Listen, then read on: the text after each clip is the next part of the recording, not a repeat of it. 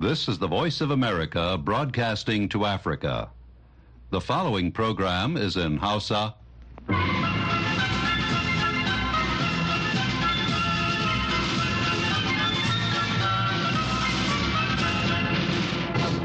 Sashen Hausa na murya Amurka ke magana daga nan birnin Washington DC.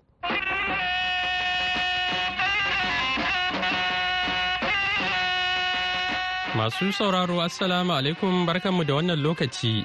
Yanzu ma Muhammad Hafiz Baballa ne tare da Sarfilu Hashim Gumel a sauran abokan aiki ke farin cikin gabatar muku da wannan shirin na dare a yau Laraba 31 ga watan Janairu na shekarar 2024. A cikin shirin namu na yanzu za ku ji cewa gwamnonin Arewa maso yammacin Najeriya sun sha alwashin kawo ƙarshen 'yan ta'adda da ke addabar yankin. sannan za ku ji tsokacin masana kan yadda kayan masarufi ke ci gaba da tashin goron zabi a najeriya. Bayan nan kuma muna tafa da shirin na kasa ba kasawa ba da sule mumuni barma zai gabatar. Amma kafin nan sai a gyara zama a sauran labaran duniya.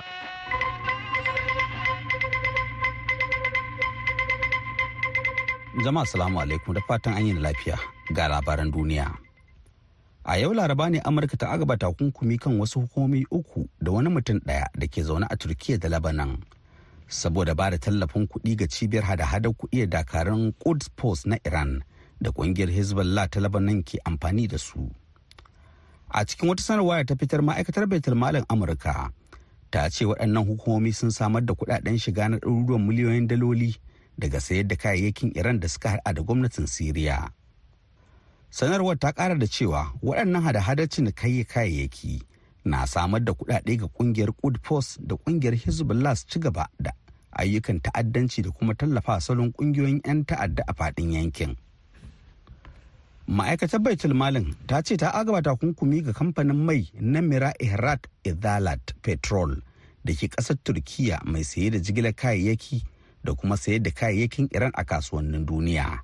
Da kuma babban jami'in gudanarwa kuma mai kamfanin ibrahim talal wanda kuma aka fi sani da ibrahim agogulu. A ci gaba da yunkurin ƙasashen duniya na ganin an tsagaita buɗe wuta na wucin gadi a zirin gaza. Sojojin isra'ila sun kai hare-hare ta sama arewaci da kudancin gaza yau laraba. Hare-haren na isra'ila sun hada da birnin gaza inda sojoji suka kashe kuma wato inda sojoji suka kashe mayaka 'yan ta'adda goma sha biyar a wani sumame ta ƙasa. A kan yunis babban birnin da ke kudancin gaza. Shaidu sun ba da rahoton kazamin fada baya ga wasu har-hara ta sama. Ma'aikatar lafiya ta hamas da ke gaza ta ce adadin mutanen da aka kashe a hararin isra'ila ya kai dubu ashirin da shida ɗari tara.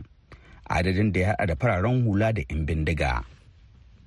Ana sa ran shugaban hamas ismail haniya zai je birnin alkahira domin tattauna kan kudirin tsagaita buɗe wuta da zai haɗa da dakatar da yaƙi a gaza. Da kuma sako mutanen da Hamas ta yi garkuwa da su. A ɗaya ɓangaren kuma yau laraba mayaƙan hutu na Yaman sun ce sun harba makamai masu linzami kan wani jirgin ruwan yaƙin Amurka a tekun Bahar Maliya. Kuma sun shirya ci gaba da kai farmaki kan jiragen ruwan Amurka da na Birtaniya. Sanarwar ta zo ne sa'o'i bayan da rundunar sojin Amurka ta ce rundunar ta USS Gravely ta harbi wani makami mai linzami da 'yan Houthi masu samun goyon bayan iran suka harba daga ƙasar yaman rundunar ta faɗi a cikin sanarwar da ta fitar cewa babu wani rauni ko barna da aka samu daga harin. Mayakan hufi sun kai hare-hare ta sama talatin da makamai masu linzami da jirage marasa matuka a cikin tekun bahar maliya tun tsakiyar watan nuwamba lamarin da ya haifar da cikas ga jigilar kayayyaki na kasuwanci a babbar hanyar ruwa. Dalilin haka kamfanonin jigilar kayayyaki da yawa sun sauya ko dakatar da ayyukansu inda suke aikewa da jiragen ta hanya mai nisa da tsadar tafiya ta wato ta ɓangaren nahiyar afirka maimakon amfani da hanyar da ke tekun bahar rum da bahar al'amar. Labaran duniya na zuwa muku ne daga nan sashen hausa na muryar amurka a birnin washington dc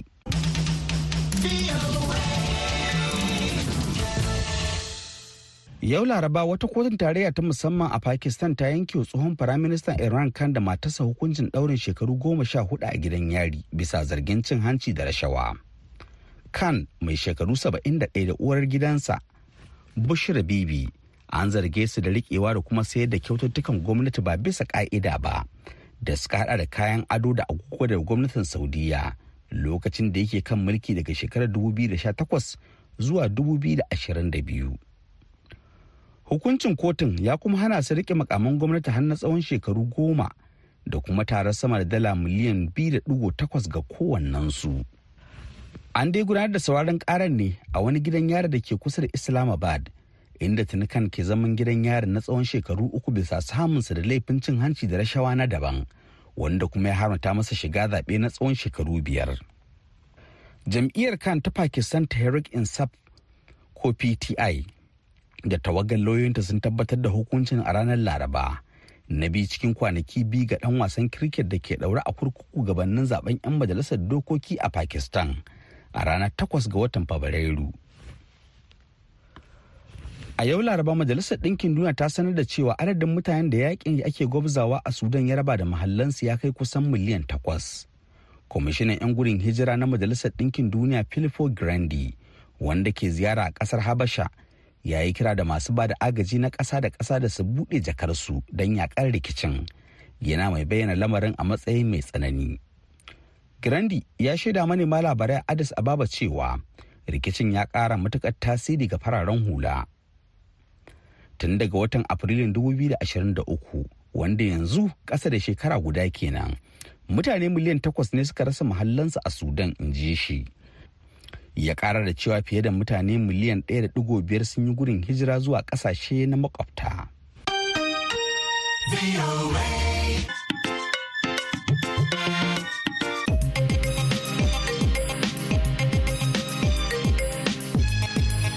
Labaran duniya aka saurara daga nan sashen Hausa na murya Amurka a birnin Washington DC.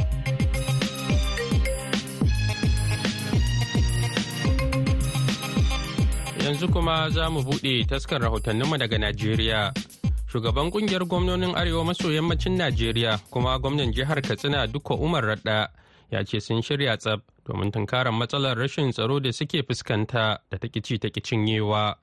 wannan na zuwa ne yayin kaddamar da jami'an tsaron al'umma da gwamnatin zamfara ta yi domin kare rayuka da dukiyar al'ummar jihar ga rahoton da wakilin musani sha'ibu malumfashi ya aiko mana A Najeriya gwamnonin jihohin Arewa maso yamma sun kudura aniyar haɗa ƙarfi da ƙarfe don yakar ayyukan ta'addanci da nufin kare rayuka da kuma dukiyoyin al'ummominsu. Shugaban ƙungiyar gwamnonin shiyar wato gwamnan jihar Katsina Malam umar rada shine ya bayyana na jihar katsina shine ya bayyana hakan a wajen bikin yaye askarawan tsaro na jihar ta zamfara mu gwamnonin arewa na maso yamma mun shirya tsaf duk matsalar tsaron da ke damu za mu same ta za mu yi maganinta kuma da yadda allah za mu kawo ta. a jihar katsina mun kaddamar da irin wa'annan jami'an kuma kwalliya ta biya kuɗin sabulu. Muna ganin ci gaba ƙwarai da gaske. Yau mun gode ma Allah. Ga jihar zamfara ita ma ta kaddamar da irin wa'annan dakarai. Kuma insha Allah sakwa tana nan tafe kebi na nan tafe kano na nan tafe jigawa na nan tafe.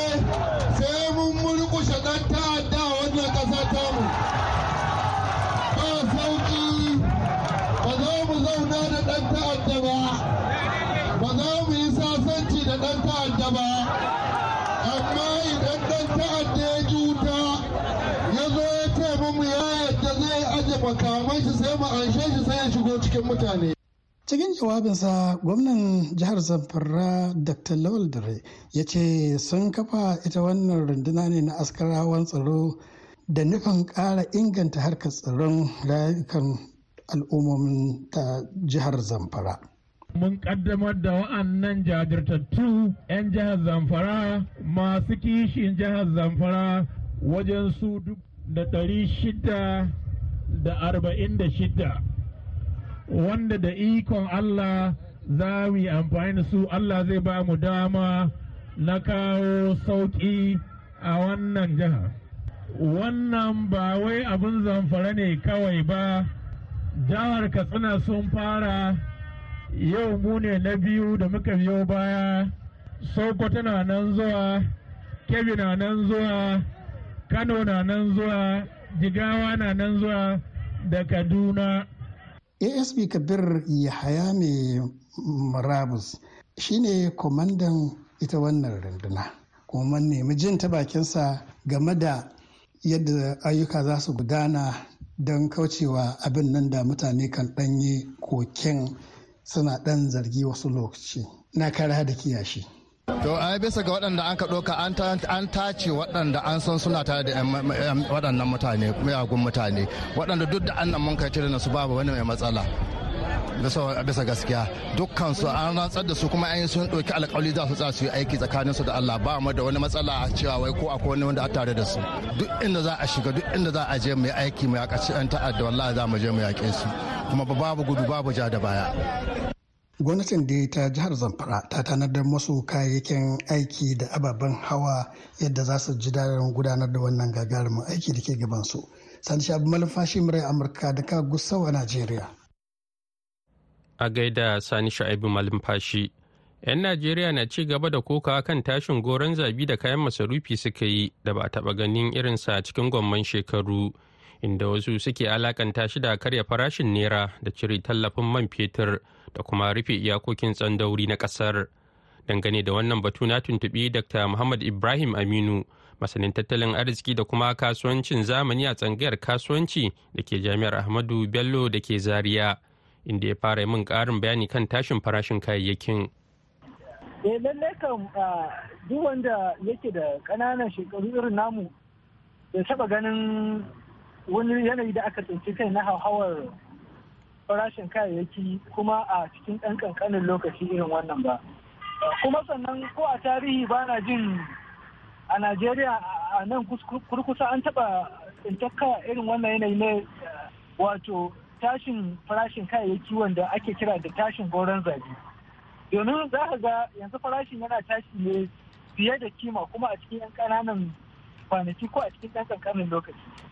Wanda haka kuma ya samo asali ne da abin da gwamnatin baya ce musamman shi babban bankin najeriya na baya na wato kusan a ce an talauta wato asusun da ake ajiye dalar amurka ta hanyar azurta wasu ɗaiɗaikun mutane wanda suke da ido da kwalli ko kuma wanda suke da kusanci da gwamnati ko kuma shi babban bankin.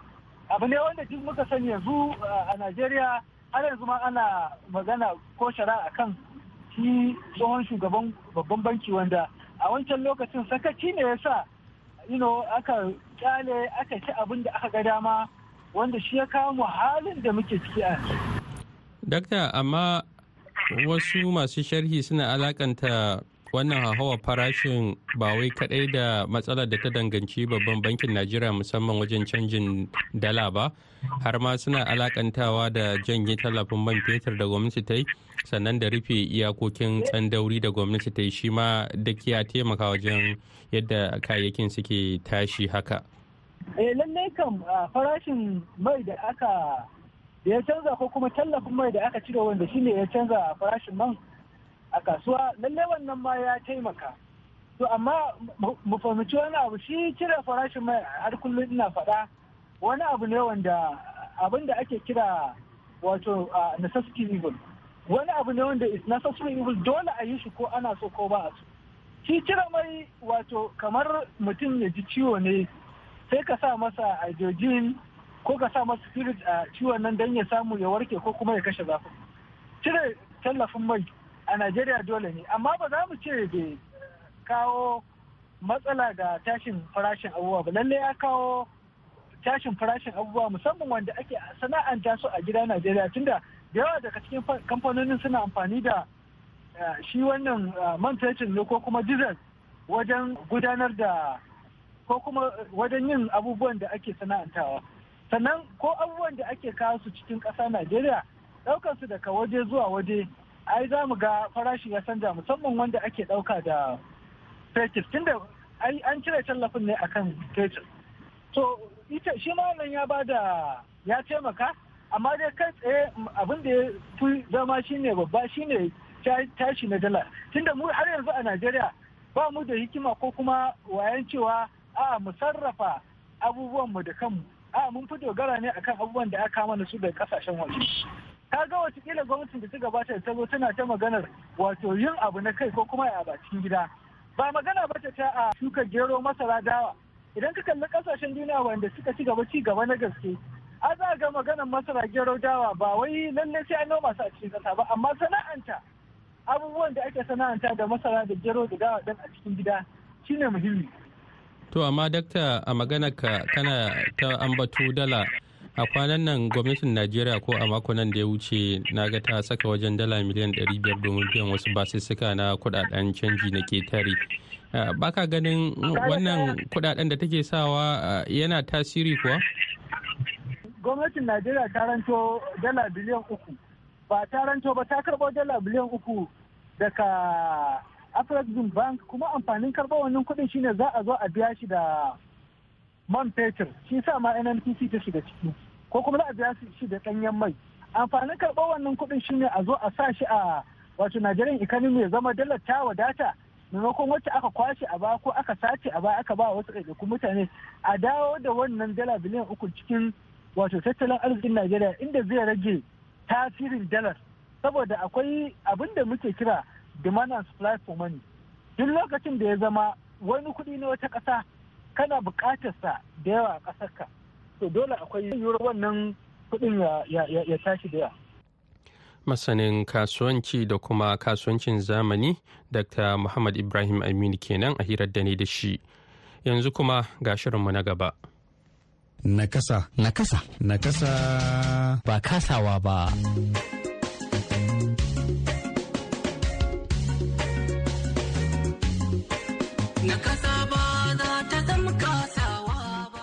Jama'a assalamu alaikum. Barkar mu da sake haɗuwa a shirin na kasa ba kasawa ba wanda ke zuwa muku a kowane mako daga nan sashen hausa na muryar amurka.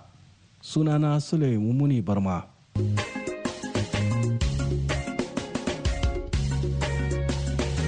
To a shirin na wannan mako za a je irin fafutukar da masu buƙata ta musamman suka sa gaba a Ghana da Najeriya da jamhuriyar Nijar. Da nufin samun ababen dogaro da kai a wannan lokaci da ake ƙara matsakaimi a ayyukan faɗakarwa da nufin cire bara daga zuciyoyin waɗanda suka mayar da ita sana'a.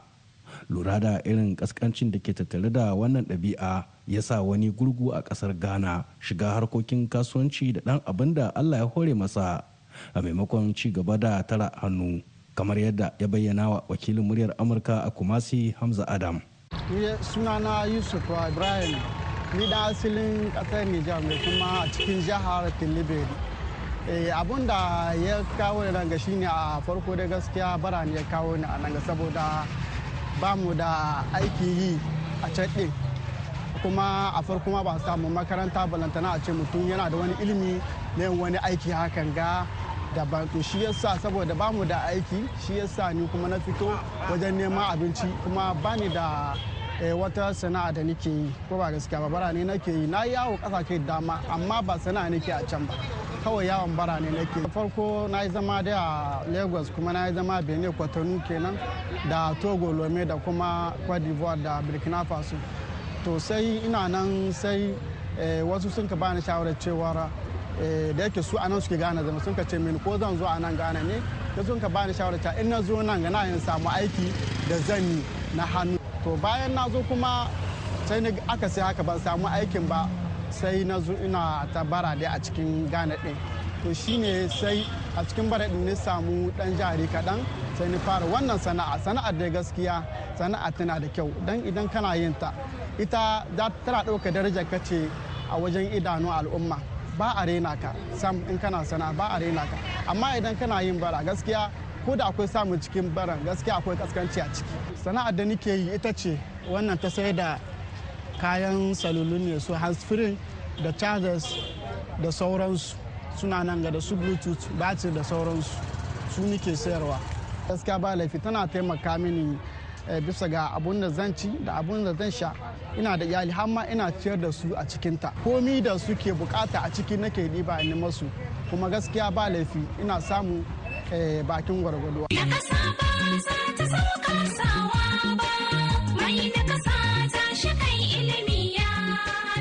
To haka su ma nakasassu mata suka dage haikan da neman abin rufin asiri a wannan lokaci da rayuwa ke ƙara zafi a wajen masu ƙaramin ƙarfi. A cikin wannan yanayi ne irin waɗannan mata ke ɗaukar ɗawainiyar kansu da ta 'ya'yansu ta hanyar ƙananan sana'o'i a Najeriya. Wakiliyar sashen Hausa a jihohin Plateau da Nasarawa Zainab Babaji ta zanta da wata wacce aka haifa da lalurar kafafuwa. suna na uwallen gabar uwallen gabar daga wasai. Wace na ƙasa kike da ita? Ni aifefe ne uba na haka yake. Haka ya aife ni da shi. Uba ni kuma gashi ya rasu ni Allah ya raya ni. Ina tafiya da abina na kasa shi ne komai na ubangiji shi ya buɗa mini. Ba abin da nake a wasai. Amma ubangiji ya buɗa mini akan na kasan nan gabar da yamma kudu da arewa. Alhamdulillahi yawwa ina samu sosai. To da yake wannan ya same ki tun kina yarinya kenan an haife ki da shi wato gurguwa. Ya da gurguwa na aka haife ni. Tun lokacin da kika samu kanki yaya kike sarrafa rayuwanki? Ne ina aikin kuɗi. Kin ganin nan kin gana aikin man gyada na yi busan shinkafa na daka dafaffen shinkafa na yi tafasan shinkafa duk na aikin kuɗi. Yawwa yanzu kuma ban yi ban na sayar magi ne da omo da yanzu ba ni da kwari. Ina sayar magi da omo da shuga. Yawa abin ina kukullawa ina sayarwa. Yawa kuma ana saye ana saya. Yau ana saya. Kwano dubu biyu ba ɗari ɗaya. Ya siga kwano dubu biyu ba ɗari ɗaya haka nake sayarwa. Yawa inje. To da yake dai kina da laluran na kasan gurgunta kin yi aure har an samu iyali? Ina da ɗa, yaya duk sun mutu amma na da guda ɗaya. Ina da Muhammadu. Yanzu kina da aure mijin kina nan? Miji ya mutu, ba da miji. Yande. To yanzu yaya aka yi ta gwagwarmaya har yaron nan ban san ko ya girma ko kuma har yanzu yana ƙarami. Muna wahala muna aiki. Mun je karɓa kawo mutanen zuwan sayar in ba su kuɗi mu cire namu. Haye makaranta ma. A ciki haka muke yi mushi musha Allah ya rufa mana asiri. Shi yaron ki yanzu yana ina? Ina na wasai. Ina sana'a babban yaro ne yana sana'a. Ma ya iyali. Ya ina da yan shi guda ɗaya ina da Khadija. Yawwa to tun lokacin nan zuciyanki bata mutu ki ce tun da ina gurguwa ba zan yi aikin komai ba? A'a ina komi na har gobe. Har gobe na yi ina jan na karɓa kawo mutane na zo na kukula ina sayarwa ba su kuɗin su. To yanzu da yake wani lokaci akan samu ɗan tallafi ko da daga hukumomi ne kin taɓa samun wani tallafi da za a ce an baki? Ba taɓa bani komai ba ba taɓa bani komai ba. Andi sai dan karɓa kayan mutanen sayar in kai musu kuɗin karɓa wani. To yanzu idan aka ce ki roƙo ma mutane ko kuma ita gwamnati menene takamammen abin da kika ga kamar ya kamata na kasassu a yi musu? To yanzu a dan ce mu muna kasan ku ne muna bin Allah dukan mu da ku.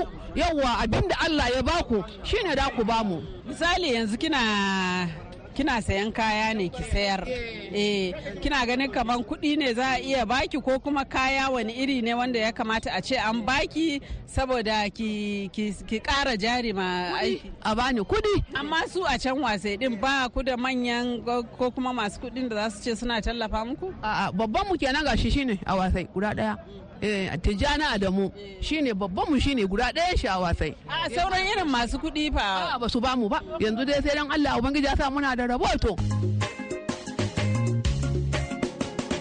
ƙarancin adadin nakasassun da suka yi ilimin zamani har zuwa matakin samun difloma a Nijar. Wata matsala ce da ƙungiyoyin kare hakkin masu buƙata ta musamman suka gano cewa tana haddasa cikas wajen samun damar morar kasan guraben aikin gwamnati. Da dokokin ƙasar suka ware waɗannan mutane abin da ke fayyace girman buƙatar dagewa kan karatun yara na ƙasassu tun daga ajin farko har zuwa na ƙarshe. Ga ci gaban hirar hamid mahmud da abdu mutsallabi na gamayyar ƙungiyoyin na ƙasassu a jihar agades yanzu ya gama mun taru masu fama da kasa sun kai mutum ɗari. Za ka sun gamu da kai za ka samu a ciki za ka samu biyar. Ko goma wanda suka sun yi karatu. Wannan kuma negligence ne kuma na sakaci ne daga uwaye sakaci ne wannan. Don shi ne kullum muke kira gare su yara masu kinnai kai su lakwal su ɗauke shi da mahimmanci. An wuce wannan lokacin a ce makaho bai lakwal kurma bai lakwal gurgu bai iya lakwal. An wuce wannan lokacin ya wuce. Yanzu ana cikin yanayi na ci gaba na duniya. Kowane irin na kasa gare ka an iya karantar da kai. Ana ware muku kamar kaso a wasu ma'aikatun ne. Hakan yana sa rashin karatun ya illa ko kuma ya kawo a rasa wannan kaso da ake ware mana kasassu ta ɓangaren wasu ma'aikatu. Nan ne ake asara. Yanzu sai dai a ɗauke ka. Wanda bai ka duk wanda ake ware mana kaso kaso biyar kin nan cikin abin nan masu diplom suna samun amfanin shi. Amma duka wanda bai da diplom sai dai a ɗauke ka manevar ko lebara muna kira dai ga gwamnati. Har prive enterprise prive wanda ka gani duk masu zaman kansu an musu magana. Doka ce ƙasar Nijar ta yarda da ita ta a ba da kason nan biyar. Kenan dole ta gaya ma masu abin nan kwamfani da transport masu duka ma'aikatan ne na kansu masu abubuwa da wanda suke da wanda za a samu mutum ashirin ko talatin a wurin na yana aiki. Ya kamata gwamnati ta yi magana a ba da wannan plastin biyar wannan To masu sauraro nan za mu dakatar da wannan shiri a yau sai a makon gobe za mu zo da wani sabon shirin idan Allah ya so. Yanzu a madadin bakin da aka ji muryoyinsu da wakilan muryar Amurka Zainab Babaji a jihar Plateau da Hamza Adam a Kumasi da Hamid Mahmud a Agades. Ni Suleiman Muni Barma da dukkan abokan aiki na sashen Hausa ke ce da ku sai an jima.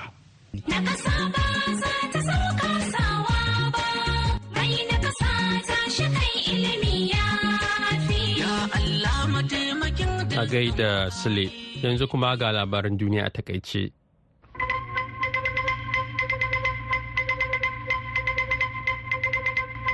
A yau laraba ne Amurka ta agaba takunkumi kan wasu hukumomi uku da wani mutum ɗaya da ke zaune a Turkiyya da Lebanon. Saboda ba da tallafin kuɗi ga cibiyar hada-hadar kuɗi da dakarun Quds Post na Iran da ƙungiyar Hezbollah ta Lebanon ke amfani da su. A cikin wata sanarwa da ta fitar ma'aikatar Baitul Malin Amurka ta ce waɗannan hukumomi sun samar da kuɗaɗen shiga na ɗaruruwan miliyoyin daloli daga sayar da kayayyakin iran da suka haɗa da gwamnatin siriya a ci gaba da yunkurin ƙasashen duniya na ganin an tsagaita buɗe wuta na wucin gadi a zirin gaza sojojin isra'ila sun kai hare-hare ta sama arewaci da kudancin gaza yau laraba hare-haren na isra'ila sun haɗa da birnin gaza inda sojoji suka kashe kuma wato inda sojoji suka kashe mayaka 'yan ta'adda goma sha biyar a wani sumame ta ƙasa. a ɗaya ɓangaren kuma yau laraba mayaƙan hutu na yaman sun ce sun harba makamai masu linzami kan wani jirgin ruwan yaƙin amurka a tekun bahar maliya kuma sun shirya ci gaba da kai farmaki kan jiragen ruwan amurka da na birtaniya sanarwar ta zo ne sa'o'i bayan da rundunar sojin amurka ta ce rundunar ta ussa gravely ta harbi wani makami mai linzami da 'yan huthi masu samun goyon bayan iran suka harba daga ƙasar yaman Yau Laraba wata kotun tarayya ta musamman a Pakistan ta yanke tsohon firaministan Iran kan da matarsa hukuncin ɗaurin shekaru goma sha huɗu a gidan yari bisa zargin cin hanci da rashawa. Khan mai shekaru saba'in da ɗaya da uwar gidansa Bushra Bibi an zarge su da riƙewa da kuma sayar da kyaututtukan gwamnati ba bisa ƙa'ida ba da suka hada da kayan ado da agogo da gwamnatin Saudiya lokacin da yake kan mulki daga shekarar 2018 zuwa 2022.